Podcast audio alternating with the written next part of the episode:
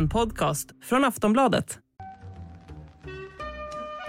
In the supermarket, you have eggs class 1, class 2, class 3. And some are more expensive than others, and some give you better omelets. That's the wrong information.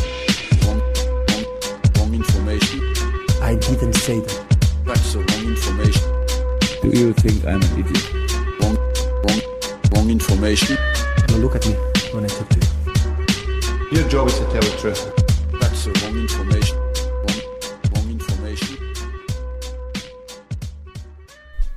Sillypodden här. eh, Vet att eh, vi i PL-podden sa fredag, men det blev istället tisdag av schemaskäl. Eh, Makoto Asara heter jag, Patrik Syk. Den mångsysslande Patrik Syk hade inte tid att närvara idag, men vi tänkte köra ändå. Däremot Daniel Kristoffersson i studion, välkommen hit. Tack så mycket.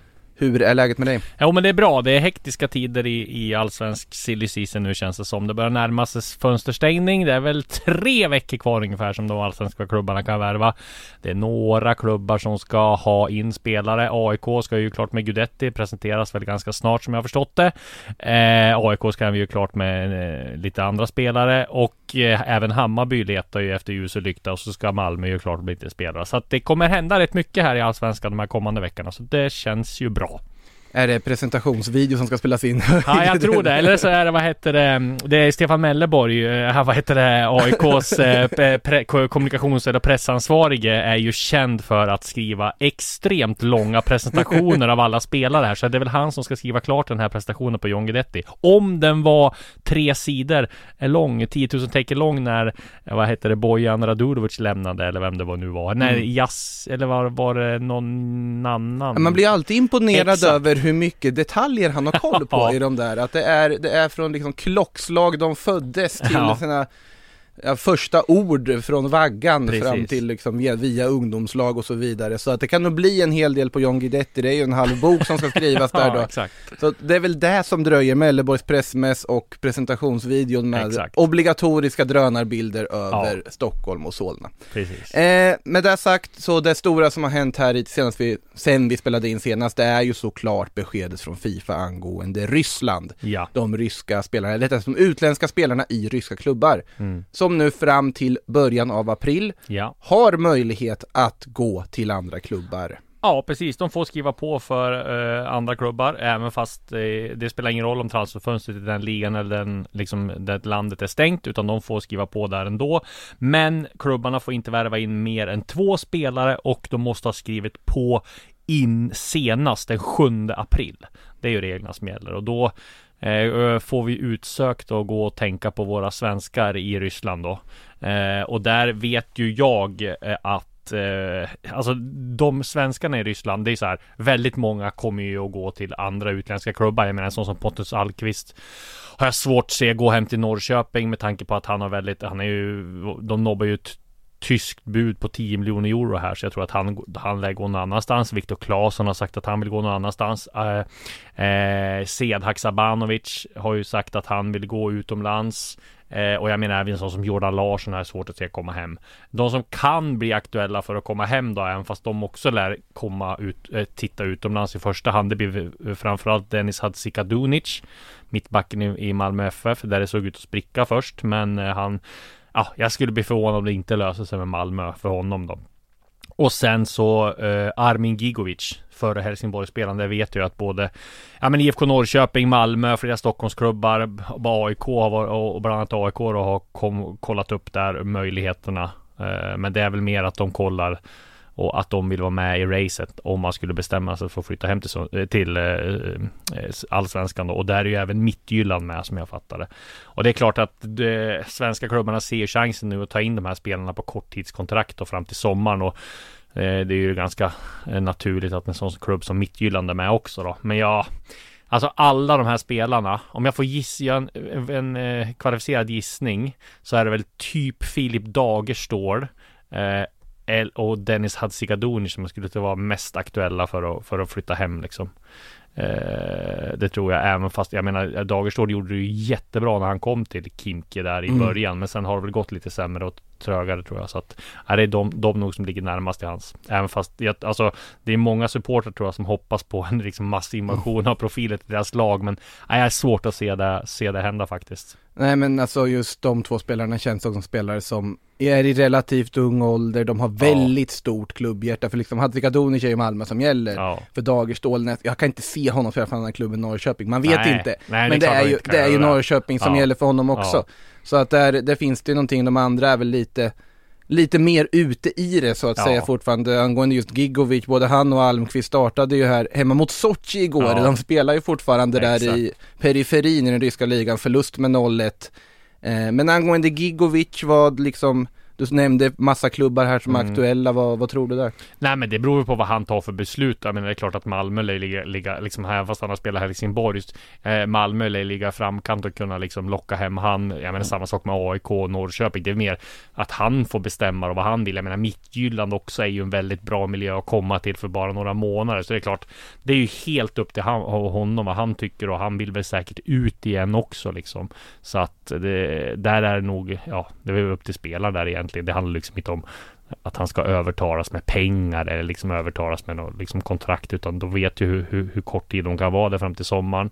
Eh, och ja, så där upp till han. Jag, jag är helt omöjligt för mig att gissa där också. Jag har inte hört att, att han ska liksom ha tagit något beslut än. Det är så färskt det här också liksom. Och, Ja. och det är klart att det är många jag menar alla sportchefer och scouter begår ju tjänstefel om de inte kollar med allihopa egentligen. För jag menar, det är ju, om de nu skulle vilja flytta hem så vill ju alla klubbar vara med i racet såklart. Så att det är klart att de ryska spelarnas agenter, de har nog fullt sjå nu.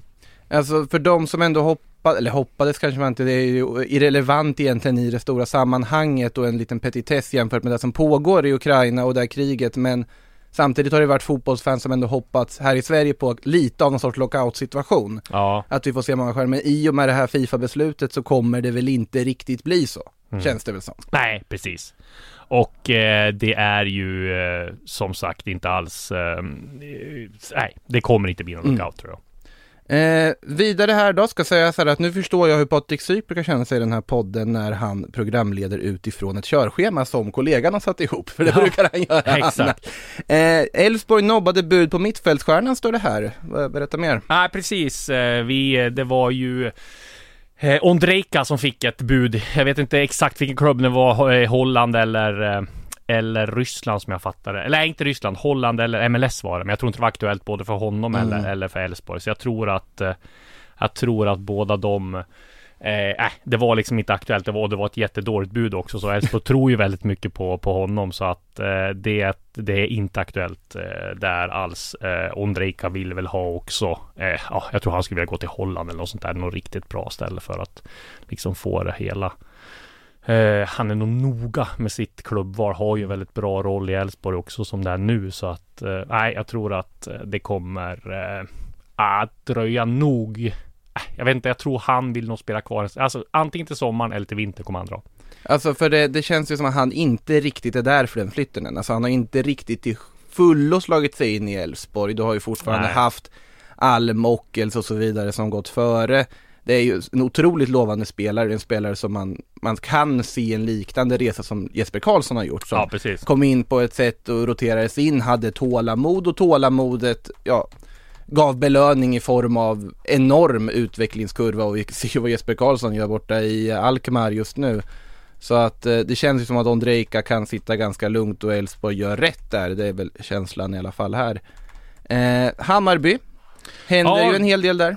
ja, som vanligt. Nej men där, eh, vad heter det, så är det ju eh, Rickard Magar som har ju fått någon eh, form av supernytändning. Eh, med tanke på eh, att han var på väg bort. Han tyckte väl inte det var så här jättekul med fotboll. Jag menar Hammarby och han var väl nästan överens om att han skulle eh, liksom eh, bryta kontraktet och, i, i sommar typ eller något sånt där. Det var inte så eh, allvarligt men eh, alltså att han skulle bryta det helt men de hade väl kommit överens om att han kanske, han går ju den här psykologlinjen också Mm. och, läser psykolog så han kanske skulle eh, avsluta. Men han har fått en nytändning, var lagkapten senast mot Häcken eh, där de vann och nu så eh, är, talar ju allt för att det blir en förlängning. Eh, De är, jag vet att Hammarby, jag pratade med Jesper Jansson här igår och han sa att de gör allt för att förlänga med honom så att det kommer nog bli en förlängning här vad det lider. Shit. Och det är ju liksom han alla trodde ju att Edvin Kurtulus skulle eh, liksom vara första varet tillsammans med och så skulle Fenger och Magyar få slåss om eh, eller Paulsen också få slåss om men nu har det varit liksom eh, Fenger och eh, Magyar som har varit givna så att det känns ju som att eh, Magyars utveckling kunde inte jag förutspå. Nej, det känns som en, alltså det är en person som märkt har väldigt mycket mer än fotboll innanför pannbenet Mm. när han pratar och så vidare och det ansvar han tar med olika saker runt om också psykologutbildningen och så vidare här Mm. mycket, mycket belyser psykisk ohälsa och de, de väldigt viktiga frågorna väldigt ofta. Eh, men också en väldigt bra mittback, ganska underskattad mittback tycker jag överlag men Ja men som har lyft sig. Absolut och framförallt så har han ju ledaregenskaperna som Mm. Hammarby har saknat och det var ju det han inte visade från början. Var ju, han var ju väldigt bra i början när han kom. Sen hade, kom han i en ganska tung svacka där och sen så Sen så, ja, eh, ja, så blev det ju här med att man trodde han skulle lägga av med fotbollen helt liksom. Men sen så nu den här, som han har varit nu så är jag liksom första mittback i Hammarby känns det som nu. Och jag menar, det ska bli spännande att se vad de tänker med Kurtulus nu. Om han är tänkt och kan spela till höger, men där har ju Simon Sandberg. Eh, han är ju först, först och främst tänkt som mittback, men hur, Mm. hur det blir nu, det blir, ja, det en jäkla konkurrens. Och det är bra, för det är väl det Hammarby har saknat, lite ledare i, i backlinjen. Ja och Kurtulus har ju an, använts ganska ofta som ytterback i Halmstad också. Ja. Det känns som att det, det är också väldigt tuff situation som ny, ung, slängas in rakt in och förväntas vara ett ordinarie självskrivet val i, i ett mittlås i en klubb som Hammarby med den pressen som det innebär. Så det känns ju ganska bra för, även för Kurtulus utveckling skulle jag säga att Magyar är kvar och det finns tydliga gestalter att följa också och konkurrera med. Eh, det är inte det enda kontraktet som diskuteras i Hammarby. Nej precis, i och med att Khalili här är assisterande tränaren har ju fått också han en succéstart i, i Hammarby får man säga. Han har gjort det ruskigt bra. Eh, han har ju liksom hyllats av spelarna, är ju en liksom, var ju naturlig ledare som spelare och var ju redan när han eh, gick in på sin sista säsong med Hammarby så här. Man såg på planen hur han dirigerade taktiken och sådär. Så att det gjorde han ju ri- riktigt bra och nu har han ju kommit Eh, ja, han är ju en viktig del i tränarteamet och han har ju utgående kontrakt men därför handlar det om en förlängning också. Som även Jesper Jansson bekräftar att de vill ha eh, honom längre kvar i, i klubben liksom. I minst två, tre år. De har förhandlat ganska länge nu tror jag. Så att det är väl inte helt omöjligt att han förlänger med typ två, tre år. Fast han kom in relativt nyligen, det känns som att de inte, men det var något sånt testkontrakt till att börja med. Ja, men alltså han blev, han var väl spelande tränare? Ja. Var han inte där för typ ett och ett halvt Eller är det tiden sedan? som bara går fort i mitt huvud? jag Det tror- kan nej, vara men, där. Ja, nej men alltså sen så skrev man ju bara ett kort kontrakt.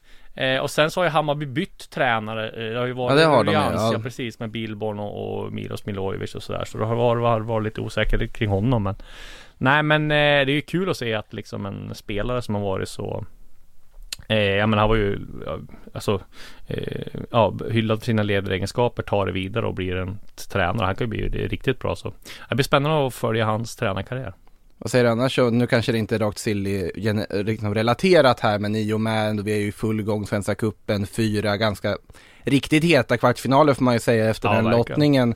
Vad, vad ser du för tendenser hittills liksom? Nej men alltså det är ju att AIK var ju en besvikelse senast får man säga. Eh, Lustig tog ett ganska onödigt eh, gult kort där även fast om domaren hade vetat om att han hade haft ett gult kort innan är det nog tveksamt om han hade fått det där gula kortet ändå. Eller det hade han nog inte fått kan man säga men det blev rött ändå. Eh, och eh, men samtidigt är det liksom lite klantigt också av en så rutinerad spelare och ja, eh, ta liksom ett till gult när man har ett eh, tidigare. Så att, nej men det är ett, eh, AIK lite besvikelse. Nu får de, de hade kunnat fått hemmaplan, eh, i Djurgården eh, och derby på Friends som hade flyttats då eftersom de var Melodifestivalen festivalen och tjäna massa miljoner på det där derbyt. Istället blir det Malmö borta.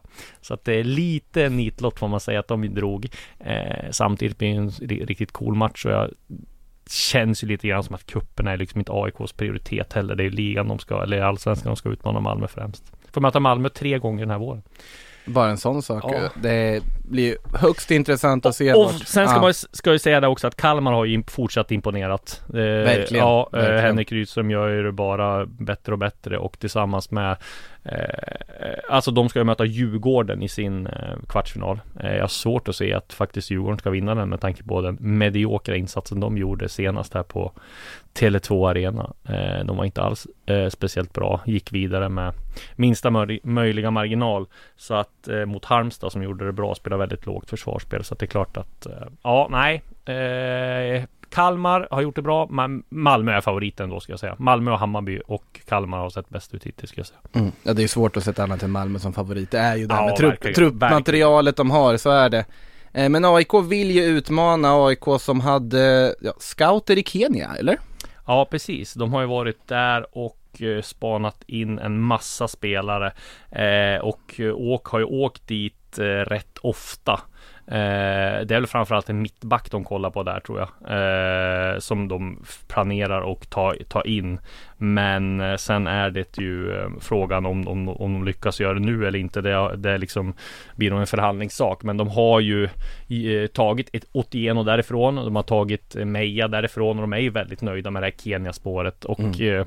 Otieno som har ju varit en framgångsrik, eller var en framgångssaga får man säga, även fast han inte är en speciellt ung ålder så Det har varit seriens bästa vän. Ja, alltså, precis och det har vi att- sagt varit inne på tidigare att Ja. det är ju konstigt att inte han har kommit utomlands, att klubbarna inte har eh, budat på honom då. Jag vet inte vad det är. Det är väl åldern där då som, som sätter, sätter stopp för det. Men inte han är lastgammal liksom. Så att, är det är klart att eh, Helt klart eh, så är AIK nöjda med Kenya och att det nog kan komma in en värvning därifrån. Eh, det är nog inte helt omöjligt. Sen om det blir i vår eller till sommar, det är till sommar som är mest aktuellt tror jag. Men jag tror de kommer fortsätta med det här Kenya-spåret rätt, rätt eh, starkt med tanke på hur lyckat det har varit.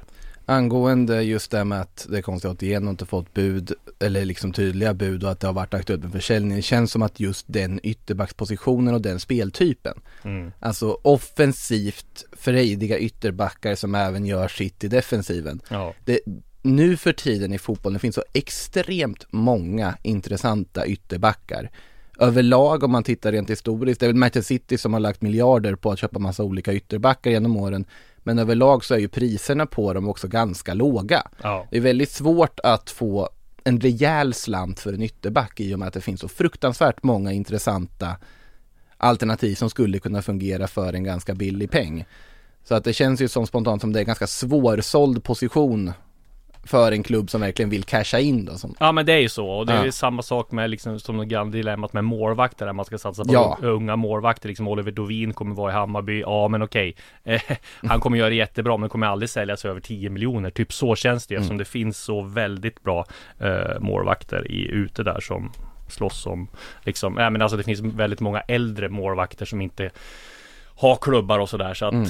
det är ju liksom det här dilemmat som svenska klubbar kommer få liksom brottas med hela tiden. Eh, Men ja, nej men det finns eh, Om man ska säga någonting om det så är det väl att det finns det har gjorts en del stora affärer nu. Det en jättestor affär och Williot Svedberg sprack. Det ska bli intressant att se vem som blir nästa liksom sto- riktigt stora affär eh, från Allsvenskan. Det finns ju ett par eh, intressanta spelare som kan gå, men det är svårt att säga vilka liksom. Det är, alltså, det är svårt att säga att, alltså Otieno kommer inte bli sån här jättestor försäljning, så där får de ju ha liksom dilemmat om de ska behålla, spela ut kontraktet för jag menar, han, ju längre tiden går, desto eh, liksom billigare blir han ju. finns det någon möjlighet att förlänga med honom? Ja, det finns det, man har långt kontrakt va? Så att jag tror att Ja. nog att de, de antingen spelar ut kontraktet eller sälja för Mm. ganska lite i sommar tror jag. Ja, det är, en, det är en svår balansgång i och med också hur mycket pengar en Champions League-plats och så vidare skulle kunna ge. Det är ganska svårt pussel att lägga det där. Eh, finns ju olika sätt att spendera pengar, men det ska tänkte jag vi skulle ta oss till Djurgården. Det imponerade ju inte jättemycket i matchen här nu senast, där man ändå kvalade, kvalade vidare i kuppen. Man var ju i princip klara till kvartsfinal inför slutomgången, Ja. men eh, tappade ju då hemmaplansfördelen i och med det man gjorde där, där krysset man fick mot eh, Halmstad. Så, men eh, du noterade något annat där på plats? Vart då någonstans? Eller i, i samband med Djurgårdsmatchen? Ja Eller- precis ja, det är den mest klassiska grejen. Eh, nej, men så här, fotbollsspelare är ju känd för att kanske inte ha den, eh, eh, ja, vissa har eh, inte så speciellt rolig klädsmak. Du vet när man blir så här rik på en gång så tar de dit massa kläder. Eh, och vi har ju sett eh, sådana här klassiska eh, liksom kläder på, på fotbollsspelare. Om vi ska ta liksom internationellt så har ju Paul Pogba överraskat lite grann. En, en spelare som jag såg ett helt fantastiskt sånt här eh, hånsmeknamn för väldigt nyligen. Barber to Barber Midfielder istället för box. Klassiker. Fantastisk eh, slender. Ja, men i alla fall. Ja, eh, men då eh, så ska man ha, om vi ska ta ett svenskt exempel så är det den mest klassiska Emil Forsbergs Gucci-jacka eh, som eh, syntes på norr, när det fortfarande hette Norrporten Arena och han var hem och hade fått skrivet nytt kontrakt med eh, Leipzig på 40 miljoner typ eh, per år. Eh, så kom han in en Gucci-jacka eh, som blev omtalad. Men det var ju 5-6 år sedan. Nu har Emil Forsberg blivit slagen med hästlängder för det här på Tele2 Arena senast eh, så var när Djurgården eh, spelade mot Halmstad så eh, var Buya Turay hemma. Han har ju spelat i Kina och tjänat en, eh, mycket cash. Och det var några där som eh, noterade att han hade på sig en väldigt fräsig eh, grön och vit Hammarbyfärg tröja. Och det visade sig att eh, jag fick lite hjälp med att kolla upp det här, men det var alltså en Louis Vuitton eh, som alla fotbollsspelare har. Eh, och om det inte var en kopia och Tycker här- vi ändå inte ska utesluta Nej. förutsatt vart han har spe- spenderat sina liksom fotbollsår på senaste tiden. Men ja, om Nej, det inte precis. är det. Om det inte är det så går den loss på 12 500 dollar! Det är alltså tre, nästan tre eller två och en halv gånger Emil Forsbergs Gucci-jacka. Det får man ändå ge Buya Turay att då har man tjänat mycket pengar om man lägger nästan 120 papp på en, på en jacka. Vad vad- vad hade Buya Turay under Djurgårdstiden? Man ska liksom för att kunna Nej, men, jämföra. nej, men han, då hade han nog kanske 100 000 i, må, i månaden. Eh, det en men- månadslön Ja men på säg, jackan säg att han hade, precis. Och säg att han hade, säg att han hade, ehm, eh, ja vad kan han ha haft i Kina? Han måste ju ha haft 10-15 miljoner netto. Sen har han varit i Belgien också. Det är klart att han har tjänat mycket pengar. Men jag vet inte, även hur mycket pengar man badar i pengar. 120 papp för en jacka. 12 månaders avbetalning. Ja, men ändå. Det är dyrt. ja, nej, det, det är onekligen dyrt. Vad tycker vi om jackan då? Alltså jag vet inte. Den, den är ju ganska rörig men... eh, Skrikig. Kan man säga så? Ja, skri, skrikig jacka Ja. kan man väl säga. Ja. Den skulle jag annars säga nu, vi, vi gillar ju sidospårare i Sillypodden. Vem är den bäst klädda fotbollsspelaren i Allsvenskan? Nej men eh, om man ska säga någon som faktiskt har vunnit priser för sin klädsel så är det Micke Lustig. Han blev ju utsedd till bäst klädda i Sverige var Café tror jag något år. Eller han hamnade i alla fall väldigt högt upp. Jag tror att han blev bäst klädd. Eh, Ringer någon klocka i mitt nu ska huvud vi kolla, vi gör en snabb godning. Googling. Bläst, Live-googlingar är absolut tillåtna i Sillypodden. Mikael Lustig kliver här. Eh, Åh, jo här, 2012! Det var alltså 10 år, 10 år sedan! Eh, en tweet från Olof Lund. Oj, Café, årets bästa klädda idrottsman, Mikael Lustig, där många fotbollsspelare irrar runt. Det var ju, han Irrar runt. eh, kollega Lund där inne på ungefär samma spår som, som vi. Det där har man ju också märkt lite på nu unga spelare att det är väldigt mycket de här liksom träningshoodies, mjukisbyxa stuket på många Ja. spelare. Eh, sen, sen är det ju så här, vissa lag märker man ju som du kommer i kostym till matcher och man ser dem mest i den miljön och så vidare. Men om man ska lyfta någon så tycker jag ändå alltså Jonathan Levi ligger ju högt för mig på den att våga dra sin egen väg i klädstilen, våga sticka ut, våga göra det och liksom Ja. Där, den tycker jag är en förebild på den fronten i alla fall. Sen, eh, sen behöver vi inte gå in på det internationella spåret om vilka, där, där har, Frisyrer finns en del att snacka om också ja. Det gör det, det gör det. Det, det tycker jag också Levi i och för sig toppar listan också med att våga, om det så är med Cruella de Vil-stuk eller bubbelgum färg. Eh, finns, finns olika varianter där. Cruella de Vil, det är alltså, det är en ruggigt bra förebild för, för fotbollsspelare. Det var väl inte det som var tanken, jag förstår bara att det var någon rolig grej. Jag vet jag pratade med honom om det där när jag hade gjort det så var det ju, man tänkte ju är det two-face liksom stuk här men det, det, var, det var bara en allmänt spontan sak. Mm. Eh, tänkte vi ska titta lite på vad som hänt på den internationella fronten i ryktesväg också självfallet. Blir lite kortare än vad vi brukar köra annars kan jag förvarna för för er som är inne mitt i avsnittet här. Men först, eh, vi har ju pratat om Axel Björnström. Ja. Jag nämnde ju inte honom här i samband med de här Rysslandsspelarna. Hur Nej. är läget där? Det är han är klar för AIK. Han är klar? Eh, ja, han är överens med AIK med ett kontrakt. Han har ju brutit, eh, vad heter det, kontraktet i Ryssland med Arsenal Tula. Så att eh, det eh, är eh, en done deal, eller blir i alla fall här en done deal. Och då måste man ju ställa återigen-frågan, återigen på något Ja, sätt. precis. Jo, men alltså så här är det också. Det var ju som vi var inne på tidigare. Eh, Björnström har ju eh, även spelat vänsterytter och eh, högermittfältare. Och AIK behöver ju bredd i truppen. Och han är ju Mm. kvalitetsspelare och är ju AIK-are i själ och hjärta. Så att eh, det var det som vägde över för, till AIKs del då. Han, det, Sirius var väl intresserad också. Kalmar var där och kollade upp tror jag ett par andra norska klubbar också. Mm. Så att, eh, nej men det är en jättebra värvning för AIK såklart. Eh, de behöver ju verkligen spetsa till med, med några till och Gudetti och Björnström blir ju jättebra. Ja, Axel Björnström alltså då klar för Mm. AIK done deal och då ska Stefan Melleborg skriva ännu fler tecken så han Ja. har en hel del att göra pressansvarige på AIK i form av pressmeddelanden. Eh, tänkte vi ska hoppa över lite på det internationella spåret här innan dess kan vi bara slänga ut frågan, alltså det finns ju ganska många andra utländska spelare i de ryska ligorna. Nu är det ju så att det öppnar ju upp för alla, det finns det någon möjlighet att man kan se några andra vissa stjärnor välja ändå köra ett halvår i Allsvenskan tror du? Om vi bortser från de med tydliga svenska kopplingar. Jag har svårt att se det alltså. Ingen som man kan komma på så här på förhand. Mm. Vilka finns det mer om man ska kolla då i, i eh, de där ligorna? Nej, jag tror det blir... Jag, alltså jag tror, alltså det var ju många, Norling var inne på NHL och allt, men jag har svårt Mm. att se att det blir någon sån. Eh, däremot så, så blir det, får man ju säga, blir en jackpot för, för vissa spelare som kan gå till, liksom, ja men en sån som Pontus Almqvist kan ju säkert liksom få, det är nog större chans att en klubb ser chansen att rea, få honom till reapris och Mm. att den ryska klubben måste liksom eh, äh, acceptera det. Så att eh, jag tror att, eh, ja, nej, det eh, Allsvenskan blir nog tyvärr inte vinnare på det här.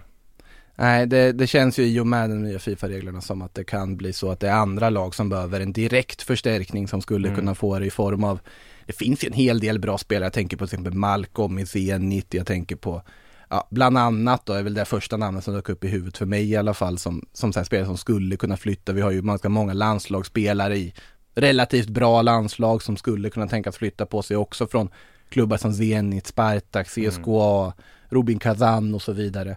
Så det finns ju mycket spelare av intresse. Mm. Så är det ju. Det, det gäller väl i och för sig även de ukrainska lagen för de spelare som kan lämna därifrån också. Eh, så det lär ju hända saker där. Samtidigt så händer det ju saker också i Manchester.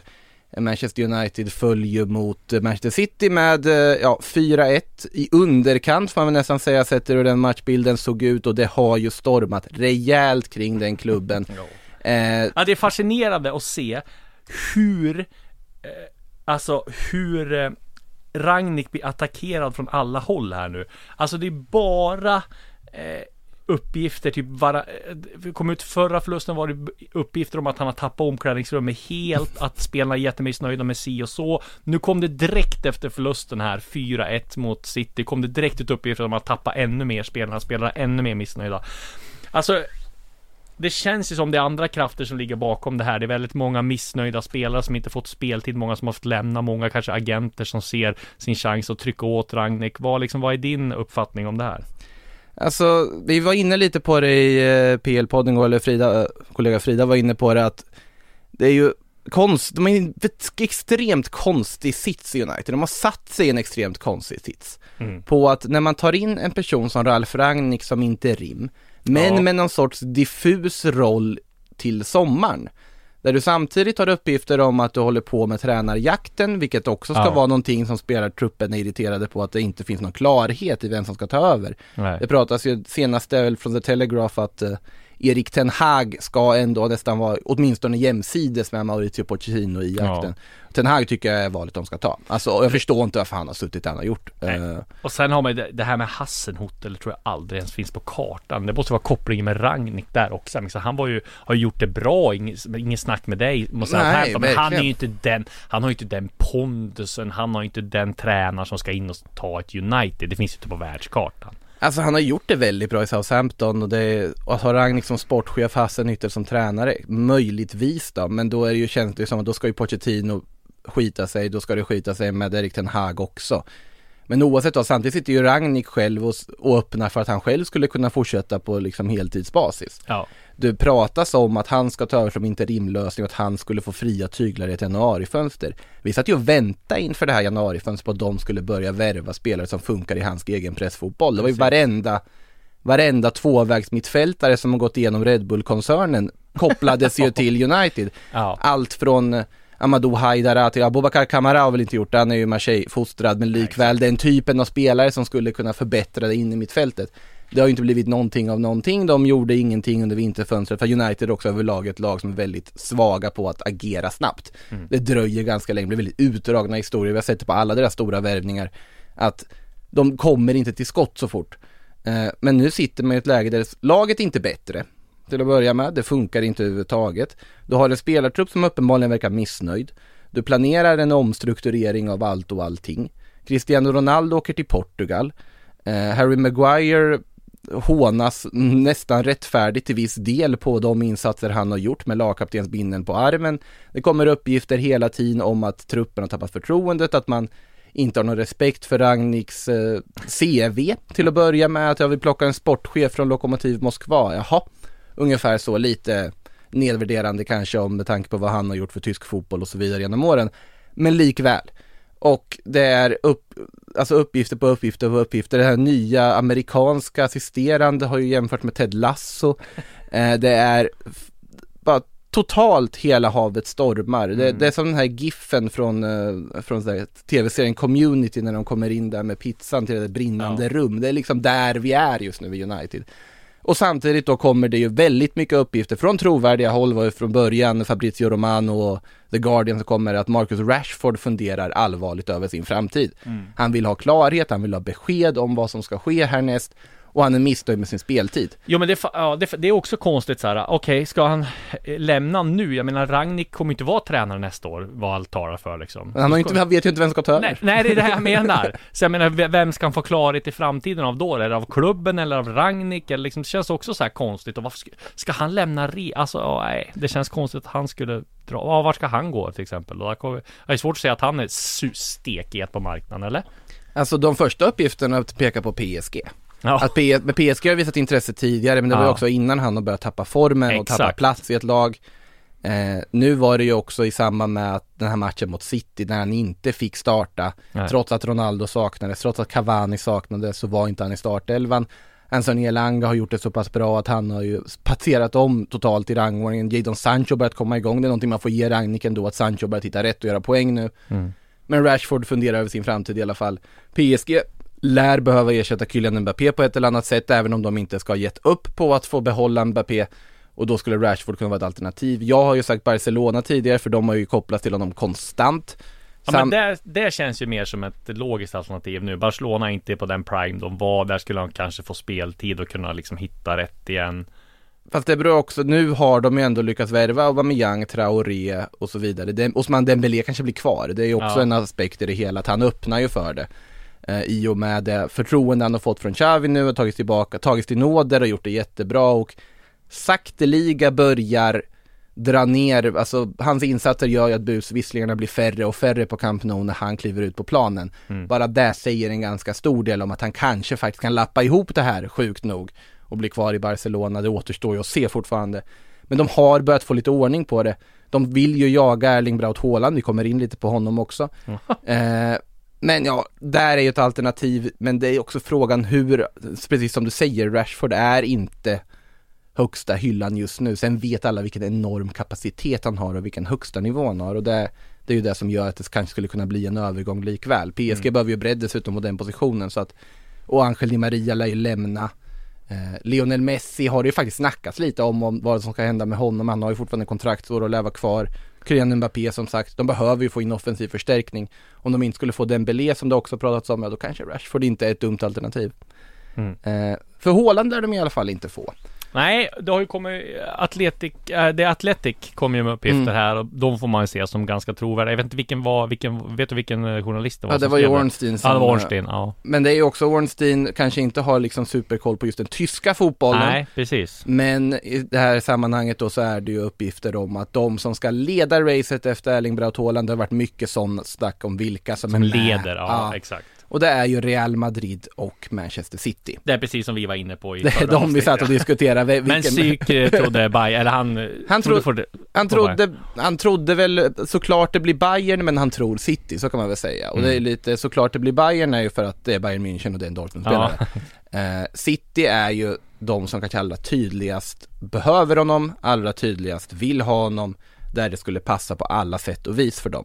Och de vill ha honom nu, de vill ha en kort, liksom, alltså kort affär, de vill att det ska ske till sommaren, inget utdraget långt, utan de vill, de vill värva honom till sommaren. Mm. Real Madrids drömscenario är ju Kylian Mbappé 2022, Erling Braut Haaland 2023 i samband med Karim Benzemas kontraktslut. Mm. Eh, men, och det skriver ju The Athletic också att det är ju så att Madrid kan tänka sig att pusha fram Haaland om de inser att vi kommer tappa honom till City om det inte Mm. blir något. Samtidigt har vi ju mycket uppgifter på att Xavi ska ha varit och träffat Haaland själv Ja. i eh, Tyskland, att han var på en resa dit och Laporta har ju haft flera möten med Ja, med Mino Raiola om allt från Haaland till även eh, Nosair Mazraoui då, Ja. Ajax högerback. Så de vill ju också vara med, men frågan är om de har ekonomiska musklerna för att vara med. Men PSG verkar ju inte vara aktuellt i alla fall. Nej. Vad tror du då? Nej men jag, han sitter, jag var som jag tidigare, han sitter ju i en drömsits. Alltså tänk att vara i den åldern och sitta och kunna välja mellan de här klubbarna liksom. Det är ju Det är ett norskt fenomen. Det var som ja. Ödegård gjorde när han var 15 och Ja. åkte runt på turné. Nu får vi ju bara hoppas att det inte går som det gjorde med Ödegård. Att det tar så lika lång tid innan det, innan det lossnar. Men, nej men jag tror ju ändå att det blir ju liksom England till slut. Och det, det var som vi var inne på tidigare. City behöver en sån värvning som har liksom, liksom historisk Mm. förankring. Du har pappan där, du har Norge, du har Premier League, vad det betyder. Eh, och jag menar han kan ju inte, alltså PSG liksom det, han kan ju inte bry sig om pengarna i det här läget. Han kommer ju vara ekonomiskt oberoende om två år liksom. Och farsan har väl tjänat jättemycket pengar också liksom. Så att det är klart att om han inte redan är det efter den här säsongen med säsongerna med Dortmund så är det klart att Nej, det blir, men det här blir liksom en, den största snackisen i fotbolls-Europa i sommar. Vart går Haaland? Ja, uppgiften säger att han ska komma till ett beslut inom några veckor också. Sen är det Ja, också, Okej, sen måste då blir det ingen snackis i sommar Nej, då. Ja, det snackisen blir väl att du måste ju fortfarande få igenom transfersumma, du Ja. måste lösa allting och det kommer nog vara hit och dit uppgifter åt alla håll och kanter. Känslan är väl dock att det är svårt att se någon sitta i Dortmund som Dortmund ser ut just nu ett år till. Nej, det kan ju, det går ju inte. Alltså det, ja, det, det känns som att Dortmund Med en iskall Bundesliga där typ Hertha Be- Union Berlin är med i toppen. Ja alltså Dortmund är ju för sig med och petar där uppe. Jo men jag menar på att det är, så- det är så ganska eh, tråkiga lag som är med och slåss. Alltså, Union ingen- Berlin är väl fint, Eh, Sebbe Anderssons gamla Mm, klubb, ja. klassiska arbetarförening. Eh, de, ska, de ska man inte skoja bort. Tror att han tänker så, Haaland? Nej jag tror inte riktigt han tänker så. Nej men så, såklart det är så Nej, de att- har dalat nu, Union Berlin. De är sjua. Men Hoffenheim... Ja, det är ändå toppen. ja, jo. Freiburg är sexa. Freiburg har gjort Eh, en jättefin säsong ja, måste man faktiskt säga. Det, Men ändå, det känns inte så sexigt med, med Bundesliga just nu. Nej, Eh, det är ju även Bayern eh, München. Leipzig Det är ju Bayern München. liv så är de 18 poäng efter Bayern München. ja, Leipzig är ju helt borta ur den striden efter Ja. Jesse Marsch-experimentet som gick helt Nej, det, fel. och det var ju han superhyllad men det var bara helt fel. Han skulle ju inte ha Det är frågan om Leeds är liksom eh, ja, det, Alltså, det Om det är ens bra hans nivå. Ja men det såg ju bra ut. Jo, jag vet. Och han har fått ganska mycket lovord från, Mm. även om de förlorade den här matchen mot Leicester, så att där man, jag, jag, och för sig- jag står ju fast vid mitt ord att de har skrivit under sitt nedflyttningskontrakt på att kasta Bielsa, men där har jag Bielsa envishet när jag säger det. Så att det är Mm. inte säkert att det stämmer, för det såg faktiskt mycket bättre ut under Marsch här i, Ja, i helgen. Men eh, nej, det Bundesliga, det är ju Bay- Bayern Münchens att vinna. Det är ju frågan där vad som händer med Lewandowski och så vidare. Men såklart, vi ska aldrig utesluta Bayern München när det kommer till en av Bundesligas bästa spelare och att värva denne. Så att, men Real Madrid City uppges vara frontrunners så att säga i kampen om Haaland. Eh, det var ungefär där vi hann den här dagen. Ja, men eh, vi kommer ju tillbaka nästa vecka. Ja, ja, Då är självfallet. Patrik Syk med också såklart. Det lär han nog vara. Han har fullt upp med en jäkla massa poddar nu. Han gör mycket den mannen. Och nej, I poddväg Och nej, framförallt. det är inte discgolfpodden som han Nej. har valt bort oss för den här gången. Så att vi kan, och det är, han bygger inte en altan, jag vet att han faktiskt är på jobbet, bara så ni vet det. Men det sagt så tackar vi för oss och eh, säger på återhörande. Your job is to tell the truth.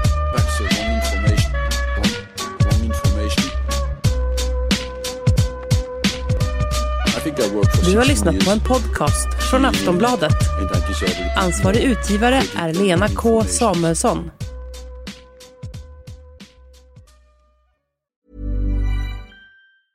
Ready to pop the question?